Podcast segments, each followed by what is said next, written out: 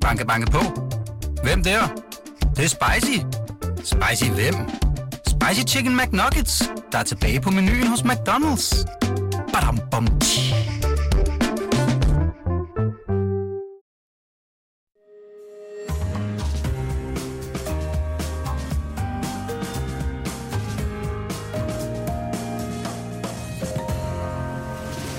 Du lytter til Cordua og Steno.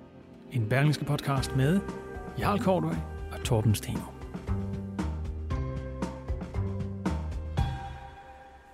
Krigen i Ukraine har nu varet mere end 14 dage. Hvordan ser lektor analytiker Peter Viggo Jacobsen fra Institut for Strategi og Krigsstudier ved Forsvarsakademiet på krigens gang, og hvad har han af bud på, hvad det danske forsvar helt konkret skal bruge de her mange nye penge, de lige er blevet bevilget i det nationale kø- øh, kompromis.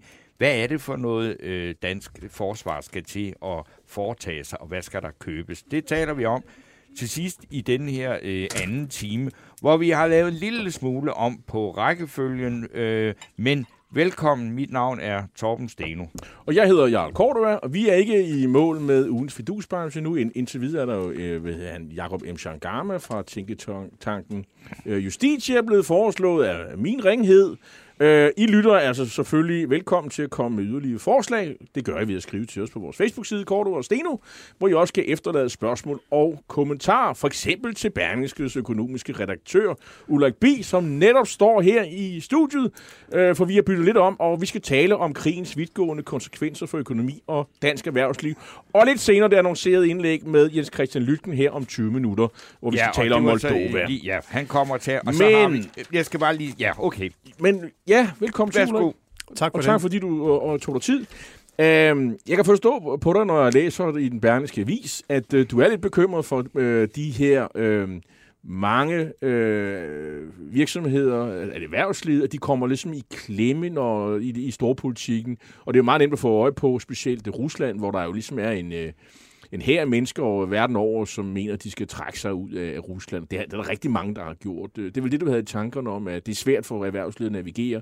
Carlsberg er for eksempel et problem. Rockwool har jeg set. Øh, hvad mener du helt præcist, øh, man skal gøre, bør gøre?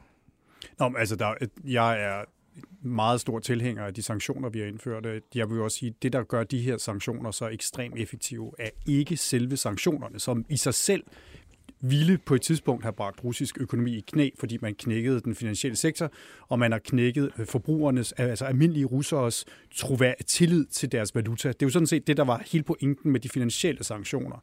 Øh, og øh, det er sådan, at russere, når, når, og det er lige så rigtig, rigtig mange andre ude i verden, når, når det begynder at blive usikkert, så køber man dollar, for det ved man, hvad er. Ikke? Så flygter man ud til sin egen valuta, og det må de ikke længere, og det er jo også klart. Det er tilbage til det gode gamle dage i Sovjetunionen. jo. Ja, jamen det er vi, og det der jo er, det som siger, hvis der det stadigvæk findes en billig reol fra IKEA, det er lige pludselig rigtig meget værd, for man kan bruge det som bytte, fordi det bliver jo sådan en slags bytteøkonomi, hvor man prøver at undgå at, at sidde tilbage som Ligesom i de gode gamle dage i Sovjetunionen. Ja, ja, fuldstændig. Altså, og det var det, der var hele pointen. Det, der jo så virkelig har gjort forskellen den her gang, og, og jeg vil bare sige, det her er en for russisk økonomi en tragedie af dimensioner, som ingen gang, altså de værste øh, sortsager i Kreml kunne have forestillet sig. Det, der jo sker nu, det er, når vestlige virksomheder trækker sig ud, så betyder det, at hele den russiske middelklasse mister deres beskæftigelse. Ikke? Altså, hele, altså de, vi ser og hører nu historier om, at, øh, at unge tech-folk, de sidder jo altså i fly og busser og alt, der kan få dem ud af Rusland, fordi de skal ikke være med i det der. Og det betyder også, at hele deres evne til at, at have en økonomi på længere sigt er, er smadret. Præcis som vi, det er jo, og det er jo fantastisk i forhold til at ramme dem, i forhold til, hvis den her Ukraine krig kommer til, inflation kommer til at vare længerevarende, så det er det her, der kan gøre, Rusland nødt til at indgå på kompromis på et tidspunkt. Men og det er jo det der med min ydmyge øh, holdning, når man tager et skridt baglæns. Man har meget, alle har meget travlt lige nu, ikke? og det er også klart. Men altså bare sige det som det er. Fødevarer og medicinal er undtaget, når man laver sanktioner. Det er fuldstændig ligegyldigt, hvad det er for et styre. Man har sådan lidt... Det, det er noget der, hvor man ikke... Altså, det rammer man ikke. Og det er jo noget, at man ikke helt generelt, når man laver sanktioner, man holder udenfor. Og der skal man bare være hus på, at det er ikke sådan, at at vi laver sanktioner for, at den almindelige russer ikke kan få øh, hvad hedder det, mælkepulver øh, til, til børn eller få deres insulin. Altså, sådan, sådan gør man ikke. Men så er det da godt, at øh, man jo, altså at øl ikke ligesom i Tyskland er arrangeret som et vigtigt levensmiddel. Øh, fordi Carlsberg har jo, og, og Heineken, lad os lige tage det, men altså øh, Heineken, de er ude, og det er Holland, det er vi ligeglade med. Men det, for, det her, at Carlsberg var virkelig lang tid om ja. at tage sig sammen til at tage en klar holdning. Nu har de taget en, der hedder, som alligevel heller ikke er helt klar. Vel? Nej. Fordi det har brugt, de har brugt to årtier på at opbygge et marked der. De har købt Baltica, eller Baltic, ja, et, ja. et, et russisk bryggeri. Er det her en katastrofe for Carlsberg? Eller ligesom sådan sige, det der, ja, det er det måske, men det er der bare ikke noget at gøre ved. Jamen, der, der, der er jo to elementer i det. For det første, så er det nogle enorme investeringer, hvor man er nødt til at træffe nogle samlede forretningsmæssige beslutninger om, ligesom, hvad er det vigtigste i den her situation. Og så er der det, skal man sige, det kommunikative omkring det, og hvordan man håndterer den udfordring, der ligger ved, at, at øl ikke er en basisfødevare. Altså, Ja, det, det er, er det, i altså. Tyskland, men ja, ja, ikke, ikke, men altså, ikke i Rusland. Øh, og det er klart, at øh, der er nogle ting, man kunne have gjort. Det er jo, Ørsted kom jo også lidt i, i samme kattepine, hvor man, man har en ubrydelig kontrakt, og det, det er vi altså også nødt til at huske på. Det er Danmarks interesse på lang sigt, at vi har den slags kontrakter. Når man bryder en ubrydelig kontrakt, så findes der ikke ubrydelige kontrakter længere, fordi alle ved, når de indgår den med os, at næste gang, vi har jo brudt den en gang. Hvad er argumentet for at gøre det næste gang? Og det, det, skal vi, det er sådan nogle ting, vi skal huske på, når vi gør det her. Det jeg egentlig prøvede også at sige, det er, at der er en, en bredere sådan, øh, der, der er meget travlt ved håndvasken lige nu. Ikke? Spoler vi tiden 5-6 måneder tilbage. Rusland er gået den forkerte vej i mange år.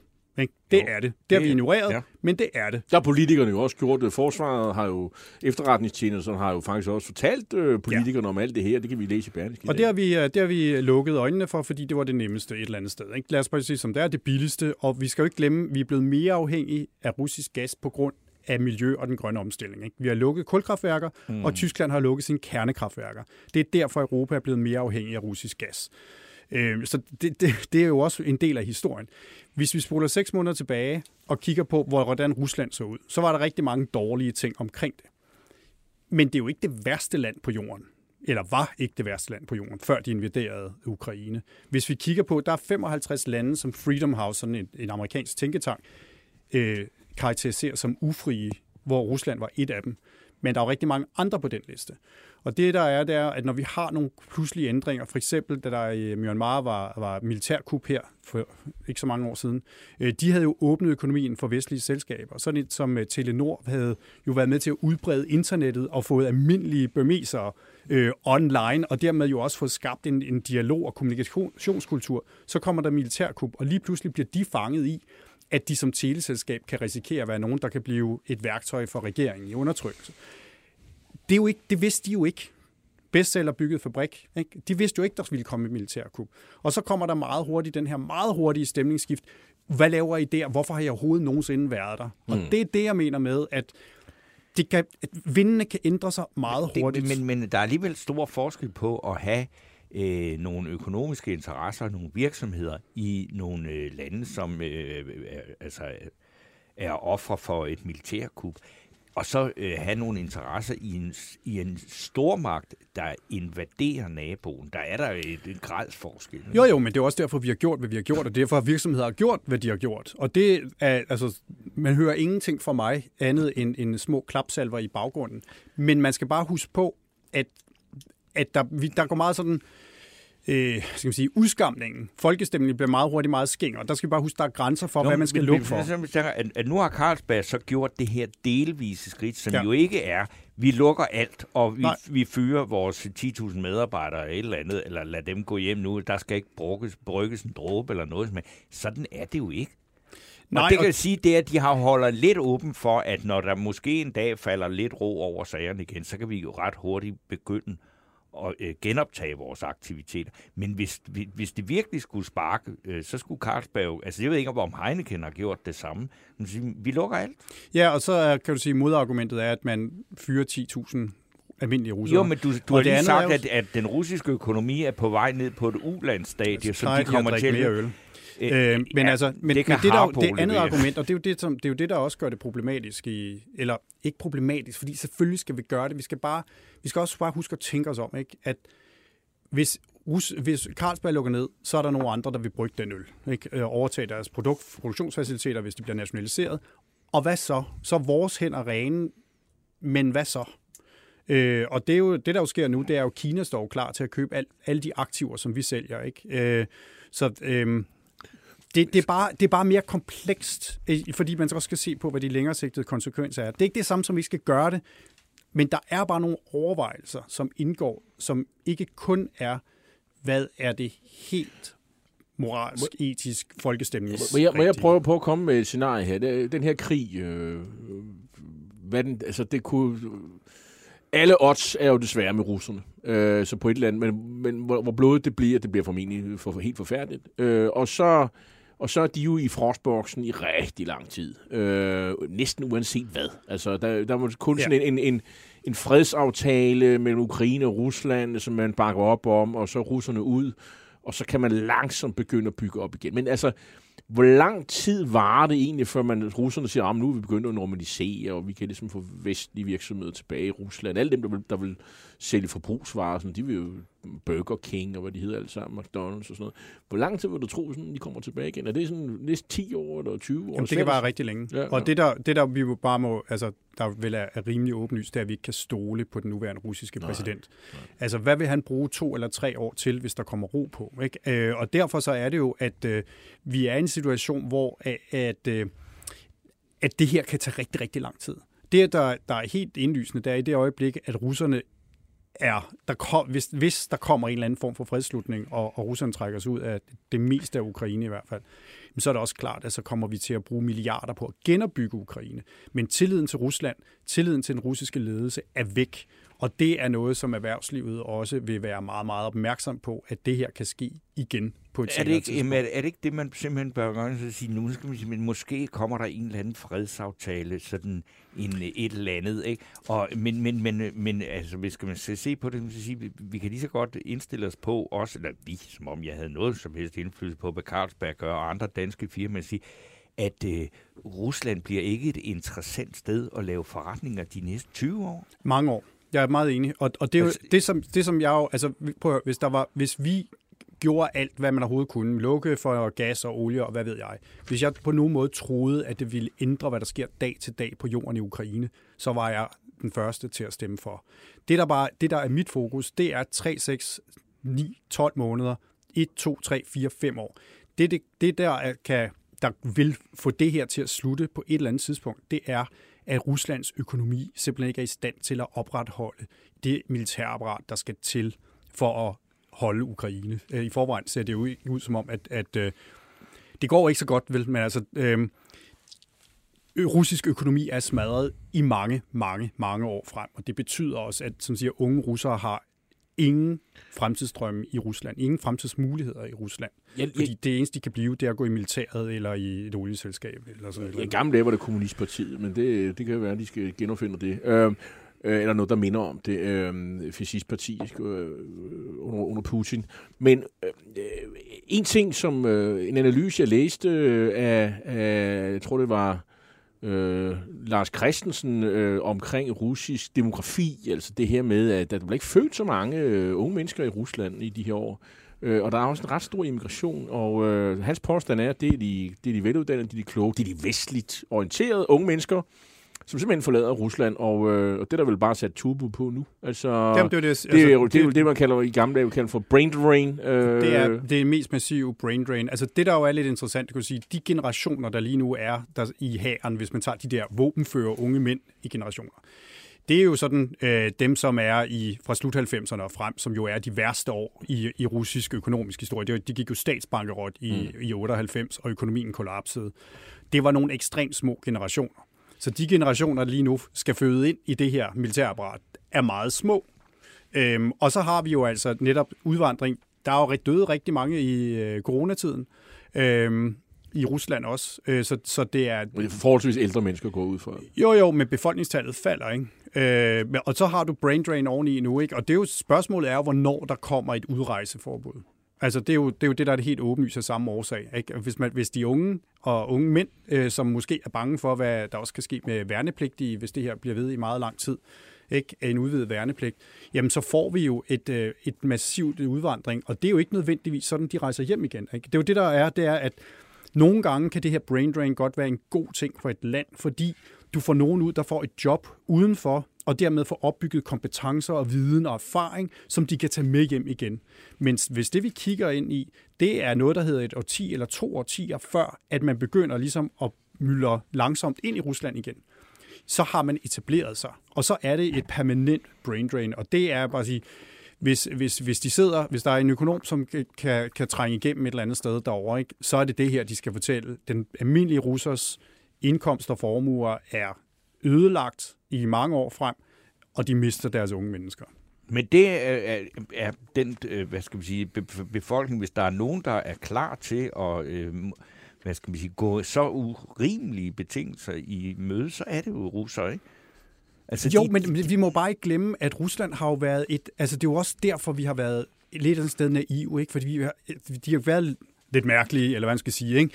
Men de har jo rejst, de har jo læst i udlandet, de har jo arbejdet i Vesten, mm. ikke? Og har man været altså, i Sydeuropa før coronatiden, så var der masser af russiske turister.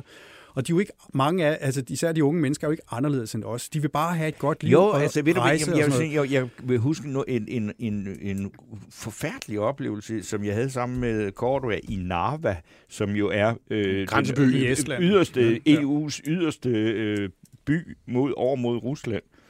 Og øh, der sad vi og, og drak, øh, og det gør man med russere, øh, med to unge mennesker, som arbejder med henholdsvis IT og mode, og de elskede Putin. Ja, ja.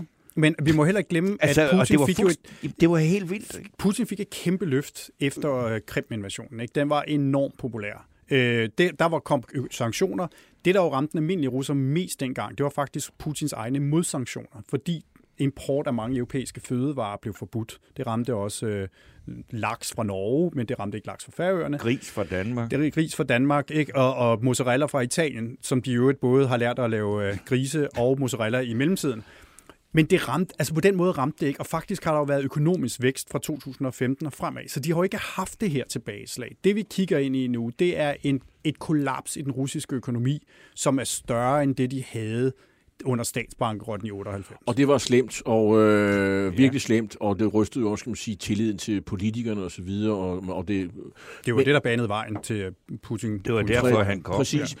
Det, jeg spekulerer lidt på, det er jo, altså, øh, hvor lang tid går der egentlig fra at de her sanktioner, de, de kom i kraft her for 14 dage siden efterhånden, øh, og der er kommet flere og flere på, til at den enkelte russer øh, pludselig mærker, fordi der er jo stadig mælk i skabet, og nogle af dem har måske været ude og hamstre lidt inden, og, og måske har, du ved, man, man tænker sig lidt om, der er til en regnværsdag, de kloge af dem har formentlig øh, øh, vekslet til, til, til, til russisk valuta og sådan, og ja, selvfølgelig, de helt fattige har jo ikke de muligheder, men hvor lang tid går der egentlig, før man sådan kan, kan mærke det? Og det kan man allerede mærke nu. Øh, og det er jo, at øh, du kan mærke det på fødevarepriserne, du kan mærke, at der er jo rationering af fødevarer nu. Mm. Så det er jo allerede nu. Og Rusland importerer jo mange af deres fødevarer, især om vinteren. Øh, så på den måde, så, så er det noget, og så kan de jo bare kigge på lukkede butikker over det hele. Du kan sige, det kan godt være, at de har hamstret, men de ved, at det der ikke er der længere. Men det er mest det, at fødevarepriserne er stedet, og det, som de jo alle sammen er ekstremt opmærksomme på, det er jo, at rublen er faldet med 40 procent øh, siden det her skete. Ikke? Og, og at de ikke må veksle, altså at det ikke er muligt for dem at veksle til dollar. Det er jo en, øh, altså hvis du sidder og er bange, det kan godt være, at folk vifter med flaget. Det har vi jo også set i et land som Tyrkiet, det er de gode til. Men, men det, der er det vigtige for dem, det er at bevare familiens købekraft. Ulla B., nu du er her, så skal vi da også lige snakke om det hjemlige penge, sagde jeg her, ikke? Og øh, vi er jo en del, der også lagde mærke til, at øh, Pia Olsen Dyr fra SF stillede sig jo glad op i fjernsynet og fortalte, at nu har hun været med til at indgå et nationalt kompromis og på sigt altså afsætte i nogle, for en SF'er fuldstændig uhyrlige beløb øh, til øh, et øh, styrket dansk forsvar, og vi skal op på de 2 procent osv. osv. Og samtidig sige, men det må ikke gå ud over danske velfærdsydelser, så det vil sige, at vi kan simpelthen have, et, når man hørte hende, så lød det som om, at vi kunne simpelthen opbygge en, en her på størrelse med Israels, uden at det ville gå ud over normeringerne i børnehaverne. Øh, er det en, en rimelig måde at fremstille det her på? Det, man må sige, det er jo, at øh, der har været meget diskussion om den her ændring af budgetreglen, hvor man nu tillader sådan det, der hedder strukturelt underskud. Man giver sig selv lidt mere plads, som det her omdiskuterede råderum er blevet ja. lidt større. Øh, og det er jo, men de penge havde man jo diskuteret med allerede i efteråret, og man skulle gøre det samme for at lave den grønne omstilling. Præcis. Ikke? Nu bruger vi så pengene på noget andet grønt. Militærgrønt. Grøn krig, ja. Øh, eller grøn omstilling i Ja. forsvaret, som SF jo gerne vil have. Øh, men øh, det er det, der... Jamen, Det er som Alex Van Omslag ja, ja, sol, ja. soldrevne kampvogne. det ikke? er, Ja, det, den, den tager I, ikke? Ja, Så tager jeg på økonomisiden. Ja. Øh, det, der, det der jo er, det er, at vi, det, vi behøver ikke nødvendigvis at skære i velfærden, men vi har jo det problem, økonomiske problem, udfordring, at der kommer mange flere ældre de næste fem år. Det er her, hvor vi for alvor får det, der hedder hængekøjen, at der er virkelig mange store generationer, der går på pension, og det belaster de offentlige finanser. Så meget stor del af det, man egentlig har givet sig selv ekstra, når man tager militæret, og når man tager det, som demografien, altså befolkningsudviklingen, øh, også kræver, uden at lave bedre service, så er der faktisk ikke noget tilbage til almindelige finanslov de næste mange år. Nej, det, det tænker jeg sådan, Men så uden at kunne, være man jo, så kunne man jo, hvad hedder det, hæve skatterne. Altså, det var Jo, jo, men det er jo, øh, der- og, og kan man sige, kunne også det godt de jo øh, skære lidt i den offentlige sektor og sådan noget. Der Det, er tre muligheder, som, og en kombination deraf. Der er højere beskatning af noget, som afhængig af dagen er verdens højeste skattetryk. Øh, der er øh, prioriteringer. Det der P-ord, som politikere ikke bryder sig om, men som Mette Frederiksen jo faktisk sagde på det sidste pressemøde, som betyder, at hvis man bruger flere penge et sted, så bruger man færre penge et andet sted. Og øh, det, det, det, er jo, det er jo sådan, det er et eller andet sted, at, øh, eller også så skal man køre med, med højere gæld. Ikke? Og, og så, øh, så er det der, man siger, det der man har gjort nu er ikke uansvarligt, men vi kan jo ikke blive ved med at gøre det. Nu, så, det, altså, jeg øh, er så glad for, at jeg må stille alle de dumme spørgsmål. Fordi altså, øh, en, en yngre økonom, som jeg, øh, eller i hvert fald økonomisk kommentator, som jeg øh, blankt erkender, at jeg har en vis familiær relation til, Andreas han, han. øh, bliver ved med at, han, har været på banen med sådan, men det er fuldstændig ligegyldigt, hvor meget gæld man har. Det er gammeldags. Altså, Thomas Berndt, han var helt, øh, han kunne næsten ikke øh, trække vejret, ham der øh, også, øh, hvad han erhvervsredaktør her på, øh, på bladet. Altså, at, at, at, tilhører du de unge eller de gamle på det her? Men, hvorfor ikke bare Jeg køre med en, øh, en uendelig gæld? klumme sidste forår, hvor jeg efter at have læst, øh, sidste vinter var det jo, øh, efter at have læst deres indlæg, at jeg er en jeg er en ældre økonom, så jeg fatter åbenbart ingenting. øhm, fordi det, selvfølgelig betyder gæld noget. Det der spørgsmål, det var, skulle vi lade være med at gøre, hvad vi gjorde under coronatiden, fordi vi var bange for gælden? Og Ja. der er svaret nej. Men er det sådan, at gæld er ligegyldigt? Der er også svaret også Men, nej. men, jeg, jeg kunne godt tænke mig at måske øh, komme med noget det er lidt mere presserende, øh, nemlig øh, olie- og gaspriserne her. Ja. Altså, hvad, hvad, hvad er de, hvad, altså det, det, er jo- det er jo faktisk noget, der virkelig påvirker os nu. Øh, inflation, øh, almindelig husholdningens øh, købekraft osv. osv. Øh, altså, hvad er din analyse af, hvad der kommer til at ske herfra? Altså i olieprisen tror jeg ikke kommer til at stige meget mere herfra, fordi der er ingen tvivl om, at øh, den, at den gør ondt i USA. Ikke? Og øh, du har en præsident Biden og et midtvejsvalg i november, og øh, der bliver vredet arm om i det omfang, nu vil du ikke tage telefonen, men i Saudi-Arabien og de forenede emirater, som har ledig produktionskapacitet for, at de øger produktionen og bryder den aftale, de har lavet med Rusland om ikke at øge produktionen. Så det, der ligger et kæmpe politisk pres for at få mere olie ud på markedet. Det er også derfor, vi i går så et stort prisfald, fordi der var rygter om, at det ville var en mulighed, og i dag fik vi prisstigninger, fordi så meget var det ikke muligt. Saudi-Arabien, Katar, det, de, det, er jo, det er jo lige pludselig Ja, og vores så er vi tilbage jo. til det, vi startede med at ja, tale ja, om, ja. at vindene vinder hurtigt, ikke? Altså, for, en, for det, Ham det, der, Mohammed for- bin Salman, han er da egentlig ikke så snedig. Nej, og vi Nej, glæder og i os til... Katar, vi glæder os til VM, ikke? Ja, der det er med Katar. Nå, jo, men altså, det, det, man bliver, går hurtigt fra at være øh, ude til at være BFF, ikke? Øh, best friend forever, øh, eller omvendt. Ikke? Og, og det er det, der gør det. det er hele min pointe var, det er en, Katar er også et rigtig godt eksempel, bare den modsatte vej på, hvordan vindene kan ændre sig fuldstændig. Ikke? Mm. Elsker vi nu Katar? Ikke? Er det nu sådan, de, altså Biden vil jo have dem som næsten medlem af NATO. øhm, et øh, stærkt ikke-NATO-partner. De skal også nok med til Nå, jo, Melodi men- Grand Men Prix. Franco og Spanien kunne jo komme med, og altså helt ærligt. Så derfor, ja. men, men hvad skal erhvervslivet gøre? Ikke? Skal erhvervslivet, skal de så begynde at investere i Katar, for nu kan vi godt lide dem, og så går der et år eller to, så kan vi ikke lide dem. Det er bare det, der er min ydmyge Jamen er, er, omkring. bør man ikke, hvis man er, øh, går med tanker om at investere i fremtiden, simpelthen bare holde sig væk fra øh, stort set alt andet end Europa? Vores problem som nation er, at vi lever af at handle og investere og drive virksomhed i hele verden. Jamen, vi det- har nogle af verdens mest globaliserede virksomheder. En meget lille del af deres omsætning er i Danmark. En større del er selvfølgelig den vestlige verden. Men det du det er meget, det tager vi en anden dag. Men der er, vi er jo i en verden, der er ved at dele sig i to. Det Det, det er er mest ret synligt på tydeligt, ikke? teknologi, ikke? hvor vi har den vestlige verden, og vi har Kina. Ikke? Rusland, hvis de skal overleve økonomisk de næste år, så skal det være en vasalstat, økonomisk vasalstat af Kina. Så skubber, de har allerede sagt, de skal nok, øh, Huawei og alle andre skal nok gå ind, hvor, hvor vestlige har trukket sig ud. Ikke? Og så er det klart, at så bliver der sådan en deling af verden, men det bliver bare en fattigere verden, og det bliver især et for et land som Danmark en kæmpe udfordring, fordi vi handler overalt. Jo, men er det ikke, altså man vil sige, vi trækker os ud øh, af Kina, Rusland, øh, hele Mellemøsten, Halve og så laver vi og så, og så laver vi sådan et øh, grønt, øh, økologisk CO2-neutralt samfund, hvor vi godt nok ikke har så meget, men hvor vi handler med hinanden og klipper hinanden grønt. Det er da også en, altså det kan man, det er sat på spidsen. Det er, det, det, det er, er da en samfund. mulighed. Jo, jo, og øh, Cuba er jo også et land med en økonomi. Okay, så tror jeg ikke, vi skal...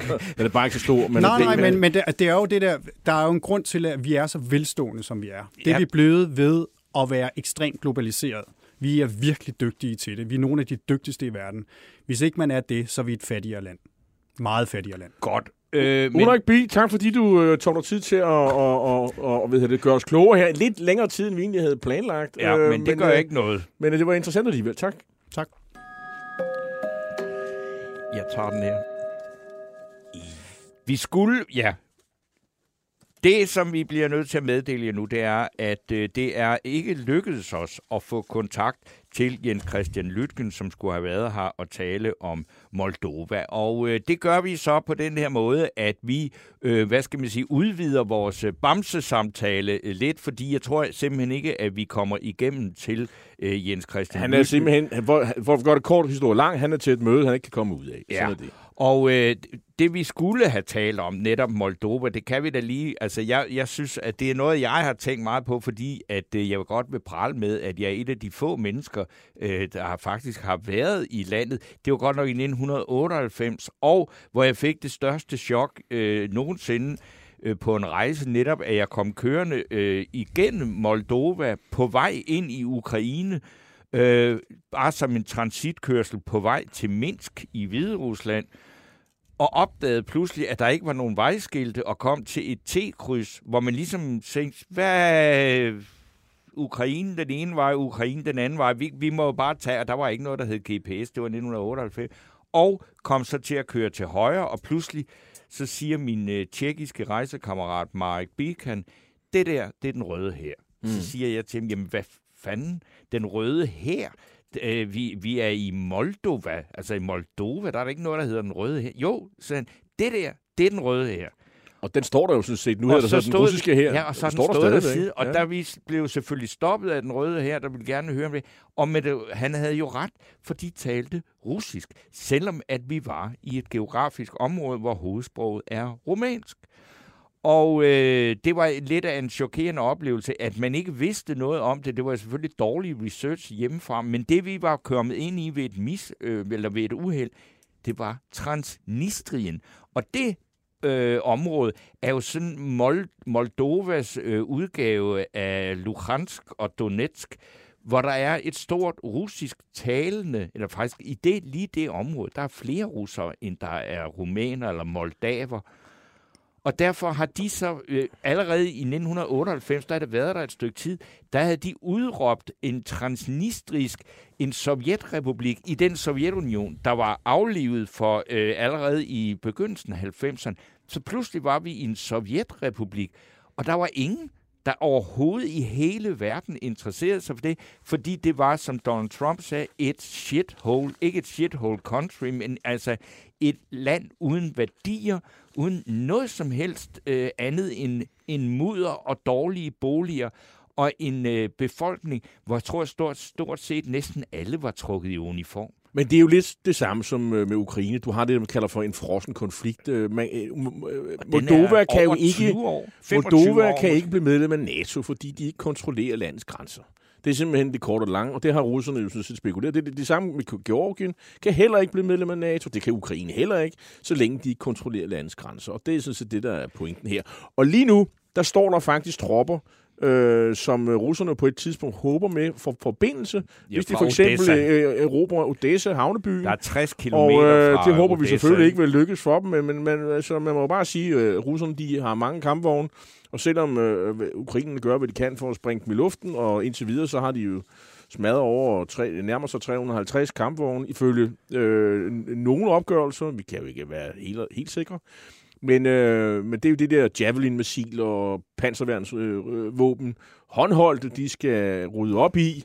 Øh, det er i hvert fald dyrt for russerne, det kan vi i hvert fald konstatere. Men øh, Moldova bliver en anden gang, og øh, vi prøver igen næste Det er ikke uge. noget, øh, det er nemlig et, ikke, altså det er et overset sted, men det er ikke noget Og, uinteressant og sted. pointen er jo, altså bliver Moldova de næste, som øh, russerne indlemmer i, øh, i det her Moldova, Sovjetunion fantasi-imperium, som Moldova øh, Putin, han, opstod som sovjetrepublik efter 2. verdenskrig, fordi Stalin og russerne havde erobret et stykke af Rumænien, eller havde befriet Rumænien, øh, som var på den forkerte side, og så lavede man den der øh, fuldstændig, øh, altså helt unaturlige statsdannelse, der hed Moldova. Det var den mindste sovjetrepublik overhovedet. det har også hed, i helt gamle dage hed det jo området Bessarabien. Ja, øh, og det er, jo, det, er jo, det er jo typ, altså når Putin jo ligesom også, som vi så på de der forfærdelige eller uhyggelige billeder optaget af det russiske øh, militær, at se dem køre med den gamle sovjetfane. Ja, det siger vel meget godt, det hvad det siger er, meget godt, ja, det er faktisk virkelig god kommunikation om, hvad- hvad er det, det her? Den, vi, har, øh, vi stopper ikke, før vi har øh, Stalins imperium genopbygget. Altså, jeg tror, det var Carsten Rasmussen, der har været tidligere forsvarsattaché i Moskva. Han skrev jo, jamen altså, det her, det ligner jo Sovjetunionen, øh, fordi øh, altså, den personlige frihed til ytringsfrihed, den er væk. Rublen er ingenting væk, øh, ingenting værd.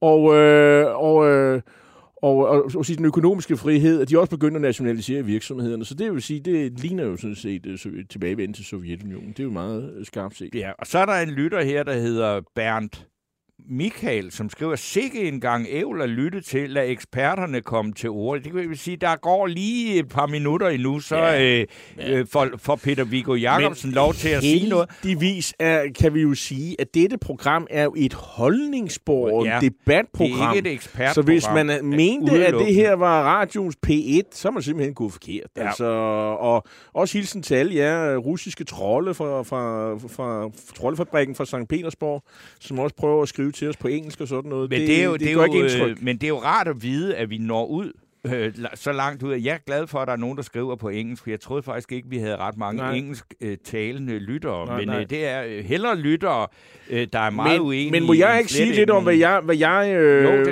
det mener om, øh, om nogle af de her ting her? Altså, mm, øh, man kunne også, øh, omkring fidusbamse nu, det kunne vi måske lige komme omkring. Altså, der er to øh, unge herre Simon Fendinge Olsen og Frederik Enevoldsen, øh, henholdsvis landsformand for Liberal Alliances Ungdom, og øh, den anden er næstformand for Dansk øh, Ungdomsfællesråd. Og de har i et indlæg i politikken den 3. marts skrevet, at de lægger vægt på værdien i at have arbejde som ung, og flere øh, unge bør stifte bekendtskab med arbejdslivet i deres teenageår.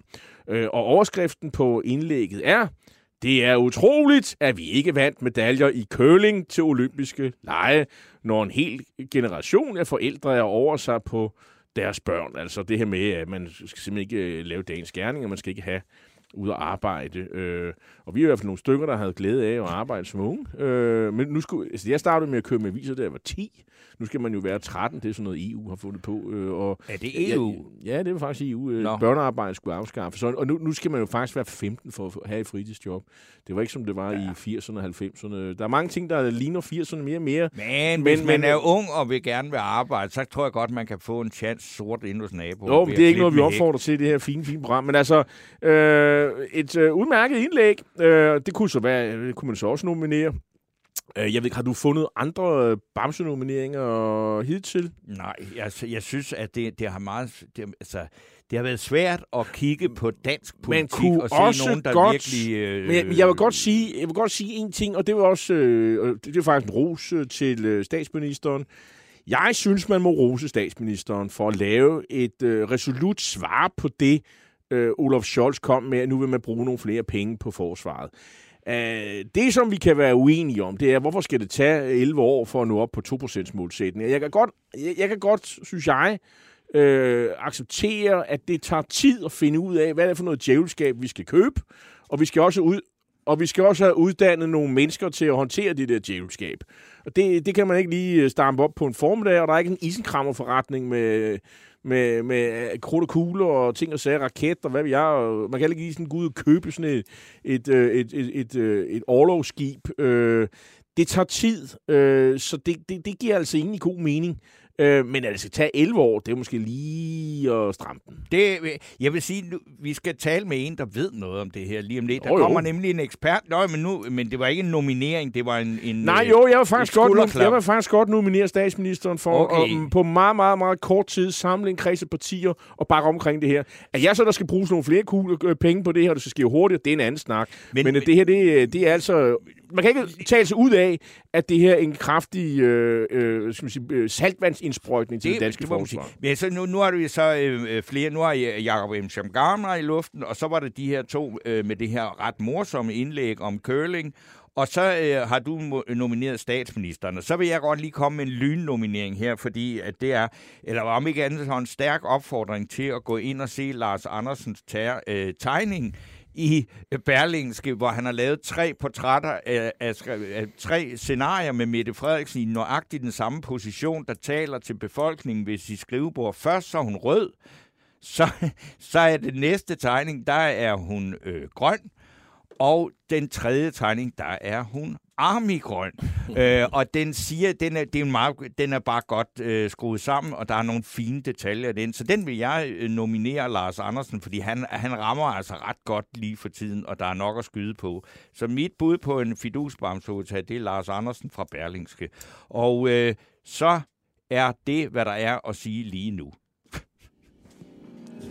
Efter. Okay.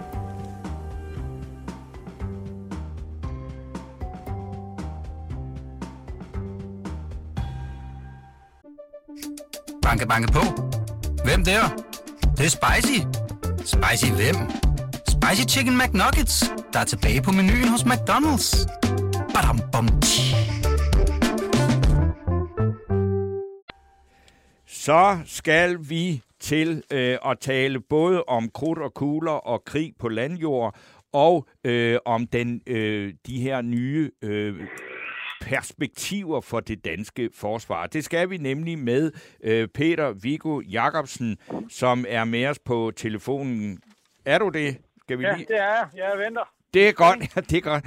Ved du hvad, vi, skal, vi har to øh, lag i det her. Ikke? Det ene, det er det her øh, nationale kompromis og alle de penge, der øh, nu skal bevilges til det danske forsvar. Og som Cordua lige har sagt, så er det jo ikke sådan noget med, at bare fordi, at man får en masse milliarder, så går man ned om hjørnet, så går man ned og køber nogle hyldevarer, så siger vi, så har vi mere af det her. Men hvad er det, de, de her mange penge skal bruges til helt konkret for at styrke et dansk forsvar? Ja, men altså, altså, hvis vi kigger på det, som blev sagt også inden, at den her krig, den brød ud, og Ja. så lidt på, hvad der blev varmet op til fra forsvarschefens side, så var han jo ude og pege på, at, det er, at, at vi mangler luftværn. Det vil sige, at vi kan ikke skyde trusler ned for, for luften. Og hvis man, hvis, man, hvis man vil gerne være illustreret, hvor vigtigt det er, så kan man jo se ind i Ukraine nu, hvor den ukrainske forsvarsstyrker har utrolig store problemer med, at de ikke kan håndtere lufttruslen fra russerne. Og det er jo derfor, de skriger på Vesten for, at vi skal hjælpe dem med fly og lave no-fly zone osv. Så, så det illustrerer jo, at det er et meget væsentligt øh, hvad det hedder, ting, som vi skal have, have anskaffet til, til brigaden, men også til, hvad det hedder, til, til, til, til de mål, der kunne, kunne blive ramt øh, fra luften i Danmark mere generelt. Så det, anden det er ting, er- defensiv karakter. Ja, det er det. Altså, det, er- det er først og fremmest om beskyttelse. Vi, skulle jo også, vi, vi, har faktisk også... Øh, så så det, det, det, det er en sådan en nye ting, som, som, som ligger lige for at, at få fingre i, for det er noget, vi har erkendt et behov for igennem længere tid. Den anden ting, som forsvarschefen var ude at sige øh, forud for alt det her, det var, at vi skulle have skabt en større robusthed. At vi skal have fyldt lagerne op, fordi vi ikke har lagerbeholdning nok til, til, altså til, til langvarig konflikt og kamp osv. Øh, Så det er en anden ting, hvor man vil gribe ind. Og så tror jeg også, at, at det er jo heller ikke nogen hemmelighed, at det ikke kun er ammunition, men der også har manglet andre ting. Øh, og at det har været svært i nogle situationer for os at uddanne soldaterne på det samme udstyr, som det de så skal indsættes i operationer med. Man har i, i lang tid i forsvaret haft et meget sundt princip, der hedder train as you fight. Det vil sige, at man indsætter, man træner øh, og uddanner folk på det samme personel som de skal bruge, når de så skal passe deres arbejde. Problemet er, at vi har bare typisk ikke haft øh, materiel nok, vi har ikke haft køretøjer nok osv. Så, så der, hvor man, jeg synes helt klart skal starte, det er med at få skabt en mere robust øh, organisation. Skabt det, som forsvarschefen også kalder helstøbte kapaciteter. Fordi det har vi simpelthen haft problemer med på grund af de massive øh, nedskæringer, som vi blev udsat for, især i forliget, der løb der fra 12 og frem til, til 17. Altså samtidig med, at resten af Europa begyndte at ruste op efter 2014, ja, så fortsatte vi jo med at spare 15 procent af forsvarsbudgettet og skære støttekapaciteter og alle sådan nogle ting væk. Så, så, så, så der er altså nogle helt basale ting, der skal bringes i orden først, før man begynder at kigge på, hvad kan man ellers køre nyt spændende legetøj. Okay. Så vil jeg så sige, hvis man så skal til at gøre det, altså kigge på nyt spændende legetøj, så tror jeg også, man skal huske på, at vi står i en ekstremt presset mandskabssituation. Vi har fuld beskæftigelse, vi har mindre overgange, og derfor har vi jo haft problemer med at rekruttere de folk, vi skal bruge med de rigtige kompetencer, og vi har også haft svært ved at fastholde dem. Så man skal tænke i, at det, der skal købes, det skal ikke være mandskabsintensivt. Vi skal altså ramme en bedre balance imellem mandskab og maskiner, hvor at det i høj grad er maskinerne, der skal lave arbejde, fordi vi ikke har ret meget mandskab. Så man skal, man skal tænke sig om, og man skal også tænke sig om, at man skal ikke købe alt for mange forskellige dimser. Det er nok mere smart at købe lidt mere af det, man har i forvejen, fordi så er det nemmere at, at drifte og vedligeholde og støtte, i stedet for at gå ud og købe en hel masse nye spændende ting, som man længe har ønsket sig de.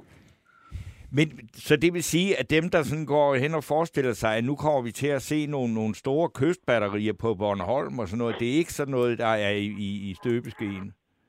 Øh, det, altså, det, det kommer an på præcis, hvad man forestiller sig, men, men altså en af de ting, som vi skal være opmærksom på, det er, at selv om vi, vi, vi bruger 2%, så har vi stadigvæk et relativt lille forsvar.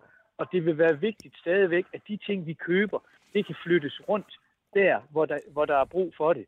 Lige nu er der brug for det i forhold til Baltikum og Ukraine. Men det ville jo være smart, om man købte nogle systemer, der kan flyttes rundt der, hvor behovet er. Det er derfor, det har været smart, at man for eksempel har investeret i platforme som frigatter og, og i kampfly, fordi de kan flyves derhen, hvor problemerne opstår. Og når man kigger på, hvordan vi har lavet forsvars- og sikkerhedspolitik igennem rigtig mange år, så har vi jo flyttet tingene rundt der, hvor der var behov. Og det behov, det har været svært at forudsige, fordi vi er i en situation, hvor der kan opstå ting mange forskellige steder. Det kan være oppe i Nordatlanten og Arktis, det kan være på Østfronten, som vi ser det nu, men det kan jo også være øh, syd, for, syd for Middelhavet i Nordafrika, Mellemøsten og Afrika. Og der er det altså vigtigt, at vi bliver ved med at bevare den der fleksibilitet, fordi vi har et meget lille forsvar, også når vi kommer op på 2%. Og derfor skal vi kunne flytte vores øh, hvad det hedder, spillebrækker rundt der, hvor de er bedst anvendelige for vores politikere. Øh, nu, nu, nu kan jeg jo se, at der er en politisk diskussion om, at man skal have ubåde. Der er rigtig mange, der vil have værnepligtige. De er helt pjatte med at få flere unge mennesker i trøjen og sådan noget. Det lyder ikke som om, at det er det, du øh, anbefaler. Øh, altså, jeg, jeg vil ikke, altså, jeg, heller, jeg vil heller ikke sige, det er ikke nogen hemmelighed. Ubåde står ikke øverst på min ønskeseddel. Men, men, men jeg tror mere, at vi skal tænke i, at vi skal have en, hvad det hedder, en kapacitet, der ikke er geografisk afgrænset mm. i relevant. Mm. Det, vigtige, det vigtige ved, at vi har fået frigatter, det er, at de nærmest kan indsættes globalt. Altså vi skal tænke på, at i, under den kolde krig, der havde vi en meget specialiseret Østersøflåde, og der var de her små ubåde rigtig, rigtig gode. Men det er altså ikke kun i ubådene. Vi skal, vi skal, det er ikke kun i Østersøen, det, de skal være relevante, de kapaciteter, vi køber. De skal også helst være relevante mange andre steder. Og derfor så skal man tænke i at lade være med, ja, man skal lade være med at tænke om i, i, i geografiske teatre. Mm. Selvfølgelig er der nogle helt specifikke ting omkring Arktis, og jeg kan også få levende forestille mig, at amerikanerne ikke er tilfredse med Arktis kapacitetspakke, og vi, vi, vi vil blive bedt om at investere mere i overvågning i Arktis. Og det kan man jo godt kalde en specialiseret kapacitet. Men hvis man nu gør det med droner, ja, så kan de droner jo også bruges andre steder end lige i Arktis. Og derfor tror jeg, det er vigtigt, at man hele tiden tænker i, at det vi køber, det skal helst kunne være relevant i nord, i øst, i vest og i syd, fordi vi ikke ved, hvor, øh, hvor truslen opstår og hvilket behov vi står i. Og vi skal jo tænke 30 år frem, når vi køber sådan nogle store øh, materiel anskaffelser så er der jo det, altså vi hører det jo hele tiden, det her ord cyberkrig, ikke? Og, og jeg, øh, jeg, jeg har virkelig et, ja. et, et meget svært, øh, altså ikke noget klart billede af, hvad det egentlig vil sige, og hvad det er, man gør, når man opruster på det område. Jeg kan huske, at tidligere øh, forsvarsminister Nick Hækkerup engang sagde, jamen altså, er det, er det simpelthen, er det dem, man skal rekruttere? Er det sådan nogle lidt øh, blege, måske lidt overvægtige, cola typer, der sidder med en pizzabak og en computer? Det er de nye øh, helte ved fronten. Ja, altså, altså jeg tror nok, at de der cyberværnepligtige, vi har haft, de vil nok være lidt kede af at blive beskrevet på den måde. Og når jeg har set billeder af dem, så ser de egentlig også mere veltrænede ud end som så. Men, men billedet er jo godt nok. og du har helt ret. Det, altså, cyber er også en af de ting, vi er nødt til at kigge mere på, fordi at, at Danmark er et så gennemdigitaliseret, hvad det hedder, samfund. Men det er jo ikke kun i forsvarsregi, det er relevant. Det er jo også generelt i hele den offentlige sektor og i den, den private sektor, at man skal opgradere det. Så, så selvom hvis vi, han sagt, har det liggende under Center for Cybersikkerhed, og det er et militært, øh, hvad det hedder, organiseret, så skal vi jo tænke, det er langt ud over den militære øh, sektor, og det er jo nok i den civile side, at vi har den største sårbarhed. Jamen, Men det hvordan opruster man... Vi kommer til. Hvordan opruster hvordan man militært? Man det? Er det med at ansætte mere ja. personale eller nogle større computer, eller hvad er det? Det vil, der, der vil være noget med computer, og der vil også være noget med, med personel. Men må jeg, ikke, må jeg ikke pege på en lidt mere generel ting, som jeg tror er central, også i forhold til det her med værnepligten? For du har helt ret. Vi skal jo ikke kun bruge infanterister, der kan grave huller og, og hvad det hedder, rende rundt med et gevær over skulderen. Vi skal også bruge øh, folk, der er gode på cyber, på IT. Vi skal bruge folk, der er i stand til at betjene øh, højteknologiske platforme. Vi skal også bruge mekanikere i vildskab. Og jeg tror, at vi skal til at tænke ud over den klassiske værnepligt. Jeg tror, at vi skal til at tænke i, at der skal være et mere øh, samarbejdsorienteret relation imellem øh, det private erhvervsliv, der har folk med de rigtige kompetencer, og så forsvaret. Det jeg typisk bruger som eksempel, det er den måde, hvorpå forsvaret trækker på sundhedspersonale i det offentlige sygehusvæsen, hvor vi går ind og henter lægefagligt personel, som nogen af tid, i noget af deres tid arbejder i for forsvaret, men ellers for andre tider passer deres arbejde på hospitalerne. Hvis man kunne lave nogle tilsvarende øh, hvad det hedder, samarbejdsaftaler med øh, firmaer, der bruger mekanikere, IT-specialister osv., så vil vi have nemme, nemmere ved hele tiden at have de kompetencer, vi skal bruge. Fordi vi har svært ved at fastholde øh, hvad det hedder, folk med meget attraktive kompetencer, der kan få mange flere penge ud i det private. Så derfor tror jeg, at vi skal til at tænke mere i en, i, i en, hvad det hedder, en samarbejdsrelation. Og på den måde, der, der, der, der flugter det måske lidt mere med de tanker, som, som Lars Lykke havde omkring samfundstjeneste, end det, end det, end det flugter med, med gammeldags værnepligt. Jeg tror, vi er nødt til at tænke ud af boksen, fordi at vi kommer til at mangle mange hænder med, med, med særlige kompetencer. Peter Viggo Jacobsen, meget spændende perspektiv. Du, der, der, du er ikke den eneste, der, der nævner det her med øh, luftforsvar til de her mobile styrker, man har i Estland osv. Og, og umiddelbart så tænker man, det er jo sådan noget stingermissiler, og det, det kan, det vil, de kan vel skyde op i luften, og, og vi har jo lige afleveret nogle af de, de, de, de gamle til, til ukrainerne, og vi kan vel købe nogle nye. Øh, men det er vel også sådan noget, der kan sidde på en, en lastbil, og sådan noget, der, har, der ligner en raket, der kan fise op med sådan noget, noget SAM-agtigt øh, udstyr. Øh, er, det, er, det, er, det, er det, du mener? Ja, altså, altså, altså igen, hvis man skal have et ordentligt luftforsvar, så skal man have forskellige typer af missiler med forskellige typer af rækkevidde osv. Så, så det er en lille smule mere komplekst end bare de her manpads og stingers. Og hvis vi lige skal komme med en hurtig korrektion, så har vi jo netop ikke sendt stingers til, til Ukraine, okay. fordi de var for gamle, og forsvarschefen ikke vurderede, at det var godt. Vi har sendt nogle antitankvåben og noget andet. Men ja, altså, altså der, der, der, det er faktisk en ret kompleks ting at lave et effektivt luftforsvar og derfor så, så, så skal det tænkes ind i en kasse. Og jeg, kan, og jeg kan simpelthen ikke sige mere end begavet om det, fordi det, det kræver en teknisk indsigt i, hvordan man laver luftforsvar, som jeg ikke har. Så der må I lige hive Carsten Mar op ind i jeres næste udsendelse, okay. så jeg kan fortælle jer lidt om det. det. Og han var med i sidste uge. Det, men, men nu skal du høre, okay. men, men, men, men, nu har du jo... Øh, hvad skal man sige, nu, kom, nu, kom, nu er der nu mange, der har hånet dig lidt, fordi du, du, du, du, du, du, du hvad hedder det, fejlvurderet russernes intentioner. Du mener, jeg en lille smule forkert? Ja, ja du, du, ramte, du ramte ikke skiven i, i lige plet. Lad os sige det på den måde. Nej, Nej jeg men, ikke den skive i hvert fald. Men, men, nu, men jeg, jeg tror, du ligesom mange af os andre så følger med i, øh, hvad der sker og sådan noget. Kan, kan du forudse, hvad der kommer til at ske nu? Altså, vi kan jo ligesom se lige nu, der Altså, russerne fører flere og flere tropper ind. Øh, det ser blodet ud. De mister en masse ting, men ukrainerne holder fast, men må vige. Og, der er, og, der ja. har, og nu kan jeg se, at udenrigsministeriet mødet mellem øh, Ukraine og Rusland, det kom der ikke noget ud af. Hvad, hvad tror du, der kommer til at ske herfra? Jamen altså, jeg synes, det mest interessante, der er sket, det var det fredsudspil, som russerne kom med 7. marts, hvor de begynder at, at, at, at give os en idé om, hvad er det egentlig, de selv forestiller sig, der skal ske med den her krig. Og der er det jo, de siger, at øh, vi vil sådan set godt fred, Øh, ukrainerne de skal bare nedlægge våbnene. Øh, så skal de lave en ny forfatning, hvor de siger, at de er, de er neutrale og ikke skal være medlem af NATO. Så skal de anerkende øh, Krim som russisk, og de skal anerkende de to østlige provinser som selvstændige stater. Altså de to, øh, provin- de to områder, som russerne har kontrolleret siden 15, men det er bare større end det, som man, har, man sad på forud for krigen. Det, det viser jo egentlig, at hvis russerne kan få det, så vil de trække alle deres styrker ud, altså hvis det holder, så vil de trække alle deres styrker ud af Ukraine igen, så undgår de at skulle være besættelsesmagt. De kan styre de østlige provinser med nogle militser, som de hele tiden har gjort, og så kan Putin sige, at han har vundet. Og det var jo egentlig det scenarie, som jeg egentlig troede, han gik efter, og som jeg troede, han havde stillet sig til tåls med. Så, så det ser ud som om, at det stadigvæk er det, han har i tankerne.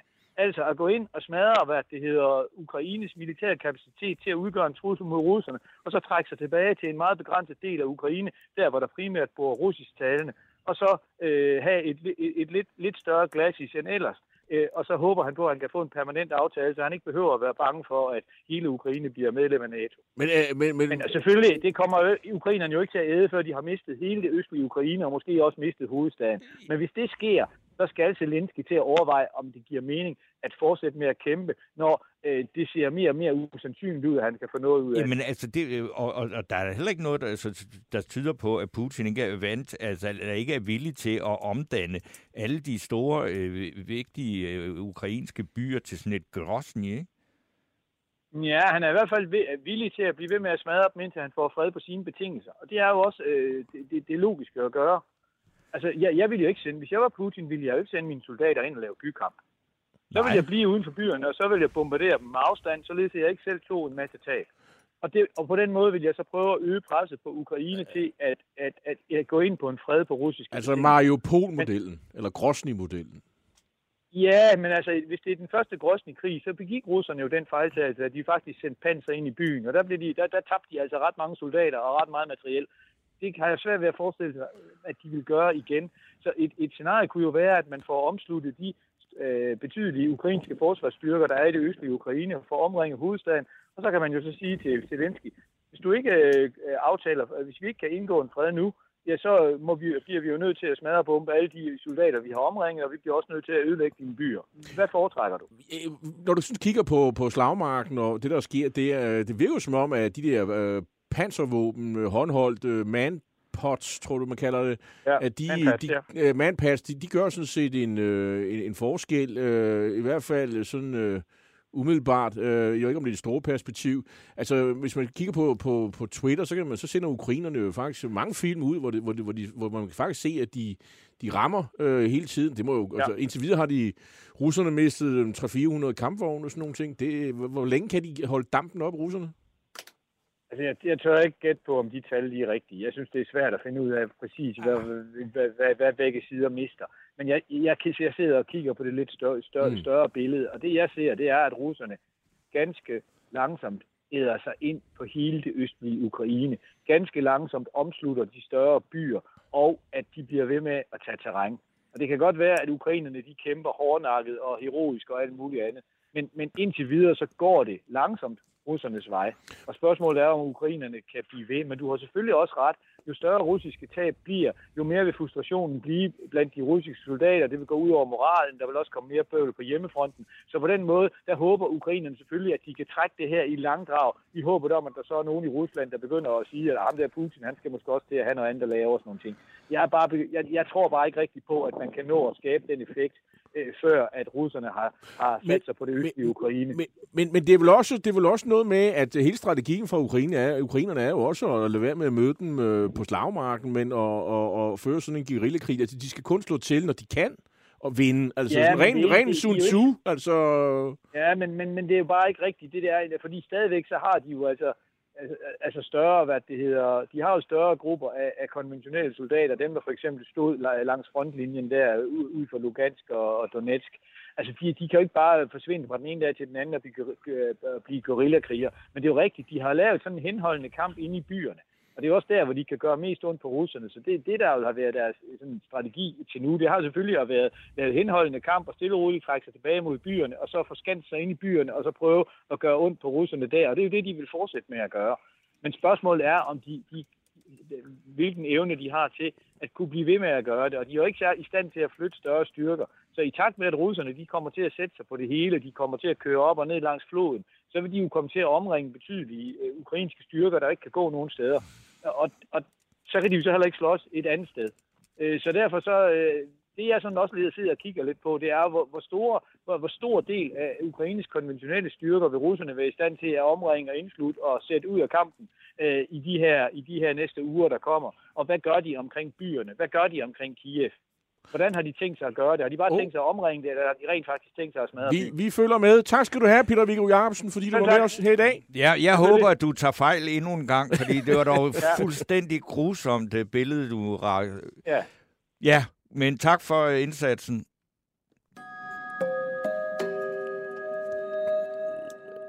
Torben Steno. Øh, Vi har lige et par minutter, vi kan bruge Ja, på den her øh, bamsesnak. Ikke? Ja, og øh, du skal sådan bare tage stilling til, om det er Jacob M. Changama, der skal have den, eller om det skal være de der øh, to Statsministeren, mennesker. eller de to Eller- unge mennesker, ja. eller Lars Andersen. Lars Andersen. Det var ham, der Berlingskes ja, ja. tegner. Jeg går ind for Lars Andersen. Så, øh, Jamen, kan- jeg, hvad jeg, siger jeg, du? jeg synes, Det vi har en du- regel om, at vi giver ikke bamser til folk, der er ansat på Berlingske Tiden. Nå, jamen, han er ikke ansat, han leverer bare.